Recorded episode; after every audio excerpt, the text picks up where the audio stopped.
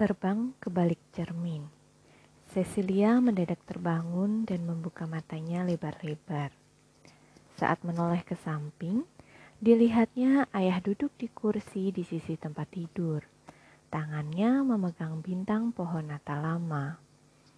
Cecilia tak tahu pasti apa alasannya, tapi ia sangat lega mereka mempercayainya. Mereka benar-benar pergi ke belakang gudang seperti yang dilakukan Cecilia malam itu bersama malaikat Ariel. Dan mereka menemukan bintang itu. Kalian menemukannya di tempat yang kuberitahukan? Gumam Cecilia. Cecilia agak kesulitan berkata-kata. Ayah meletakkan bintang itu di atas selimutnya.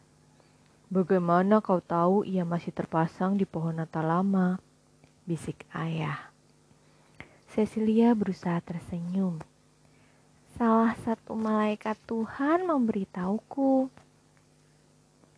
Kami menemukannya tepat di tempat yang kau katakan. Tapi kalian tak bisa membuatnya bersinar. Hanya Tuhan yang bisa. Ibu dan nenek masuk ke kamar Cecilia. Kakek kemudian menyusul. Mereka pasti tadi berdiri di luar kamar dan masuk setelah mendengar Cecilia mengatakan bahwa seorang malaikat membantunya. Cecilia memandangi mereka semua. Pikirannya terasa lebih jernih dibandingkan hari-hari kemarin. Andai ia tak selemah ini.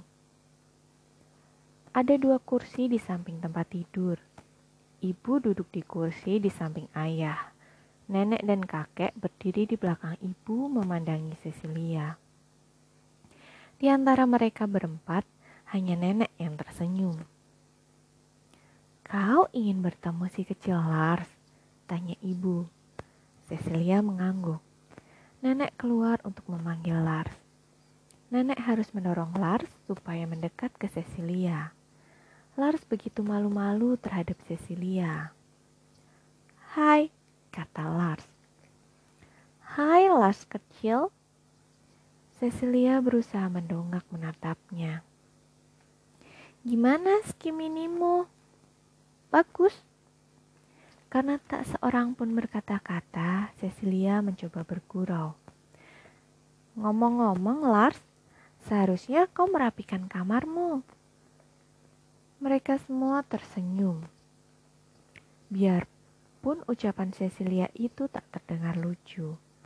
Hanya Cecilia yang tahu bahwa ia mendatangi kamar Lars malam itu. Kata Cecilia, Es meninggalkan sungai. Mereka mengangguk. Setelah itu, kamar menjadi sunyi cukup lama. Rasanya seolah kata-kata terakhirnya tadi masih mengalun di telinganya lama setelah ia mengucapkannya kepada mereka. Es meninggalkan sungai, Es meninggalkan. Bayangkan, kami berhasil menemukan bintang pohon Natal lama itu, kata nenek. Kami semua pergi ke belakang gudang untuk mencarinya. Kami semua pergi ke belakang gudang. Bayangkan mereka melakukannya. Mereka semua. Mereka pasti mengorek-ngorek salju seperti yang Cecilia dan Ariel lakukan. Tapi kalian tak akan bisa menemukan kupu-kupu demam, kata Cecilia bangga. Karena ia sudah terbang pergi. Ibu mendadak bangkit dari kursi dan berjalan melintasi kamar. Apa ibu ingin mencari kupu-kupu itu di rak buku? Tapi nenek mencegahnya sebelum ia berjalan cukup jauh. Antonia, kata nenek sembari membujuknya untuk kembali duduk. Kesunyian kembali meliputi kamar itu untuk waktu yang cukup lama. Cecilia merasa aneh bahwa meskipun pikirannya begitu jernih, yang ia inginkan sekarang hanyalah tidur. Kurasa aku ingin tidur lagi, bisik Cecilia. Jadi, dah dulu ya. Ketika beberapa saat kemudian ia terbangun, jendela kamar terbuka dan tak seorang pun duduk di samping tempat tidurnya. Tak lama kemudian, malaikat Ariel terbang masuk melalui jendela dan duduk di meja tulis. Cecilia bangkit dari tempat tidur dan berdiri tegak. Kau kembali ya? Tanya Cecilia. Ariel tak menjawabnya secara langsung. Maukah kau pergi dan terbang bersamaku? Cecilia tertawa. Tapi aku tak bisa terbang. Malaikat Ariel mendesah penuh simpati. Sudah waktunya kita akhiri omong kosong ini. Kemarilah. Cecilia pun menghampiri Ariel. Ariel meraih tangan Cecilia. Detik berikutnya, mereka terbang keluar dari jendela ke atas gudang, terus ke atas seluruh daratan. Saat itu adalah dini hari sebelum matahari muncul pada suatu pagi musim dingin. Ajaib, kata Cecilia. Benar-benar keajaiban surgawi, Ternyata terbang lebih menakjubkan ketimbang yang ia bayangkan. Cecilia merasa perutnya tergelitik saat ia memandang ke bawah. Melihat puncak-puncak pepohonan fir.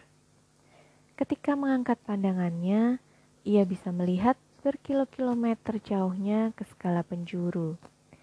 Ia menunjuk ke bawah ke arah bandara dan Bukit Gagak, Danau Hurdal dan Danau Musa. Ia bahkan bisa melihat Short dan samar-samar tampak lautan nun jauh di sana. Mereka terbang berputar jauh tinggi di atas bukit gagak. Dari atas, bukit itu terlihat seperti segunduk kecil gula putih. Cecilia berkata, Sekarang kita seperti gagak-gagak Odin. Tepat sekali, jawab malaikat Ariel. Tepat sekali, jawab malaikat Ariel. Dan saat kita nanti duduk di tangan kanan Tuhan, kita akan menceritakan kepadanya semua yang kita saksikan. Beberapa saat kemudian, mereka terbang masuk kembali dari jendela kamar Cecilia. Mereka lalu duduk di pinggir jendela, persis seperti Ariel ketika pertama kali ia datang. Mereka berdua memandang tempat tidur Cecilia. Cecilia sama sekali tidak merasa aneh bahwa ia bisa melihat dirinya sendiri berbaring di sana dengan rambut terkerai di atas bantal. Di atas selimutnya, keluarganya telah meletakkan bintang pohon natal lama. Aku setuju bahwa aku tampak cantik saat tidur, kata Cecilia. Ariel menggenggam tangan Cecilia erat-erat. Ia memandang wajah Cecilia lekat-lekat dan berkata, Kau bahkan terlihat jauh lebih cantik saat duduk di sini sekarang. Tapi aku sendiri tak bisa melihatnya, karena sekarang aku berada di balik cermin. Begitu ia selesai mengucapkannya, Ariel melepaskan tangan Cecilia.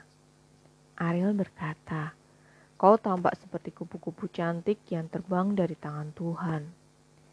Cecilia memandang kamarnya. Segaris tipis sinar mentari pagi jatuh di atas meja tulis dan lantai. Beberapa berkas sinar matahari menerobos ke bawah tempat tidur dan jatuh di atas jari Cina. Cecilia melihat benang-benang emasnya berkilauan. For no, see struck a glass darkly, but then face to face, No, I know in part, but then, but then so I know even as also am known. Karena sekarang kita melihat ke dalam cermin suatu gambaran yang samar-samar, tetapi nanti kita akan melihat muka dengan muka. Sekarang aku hanya mengenal dengan tidak sempurna, tetapi nanti aku akan mengenal dengan sempurna seperti aku sendiri dikenal. 1 Korintus 13 ayat 12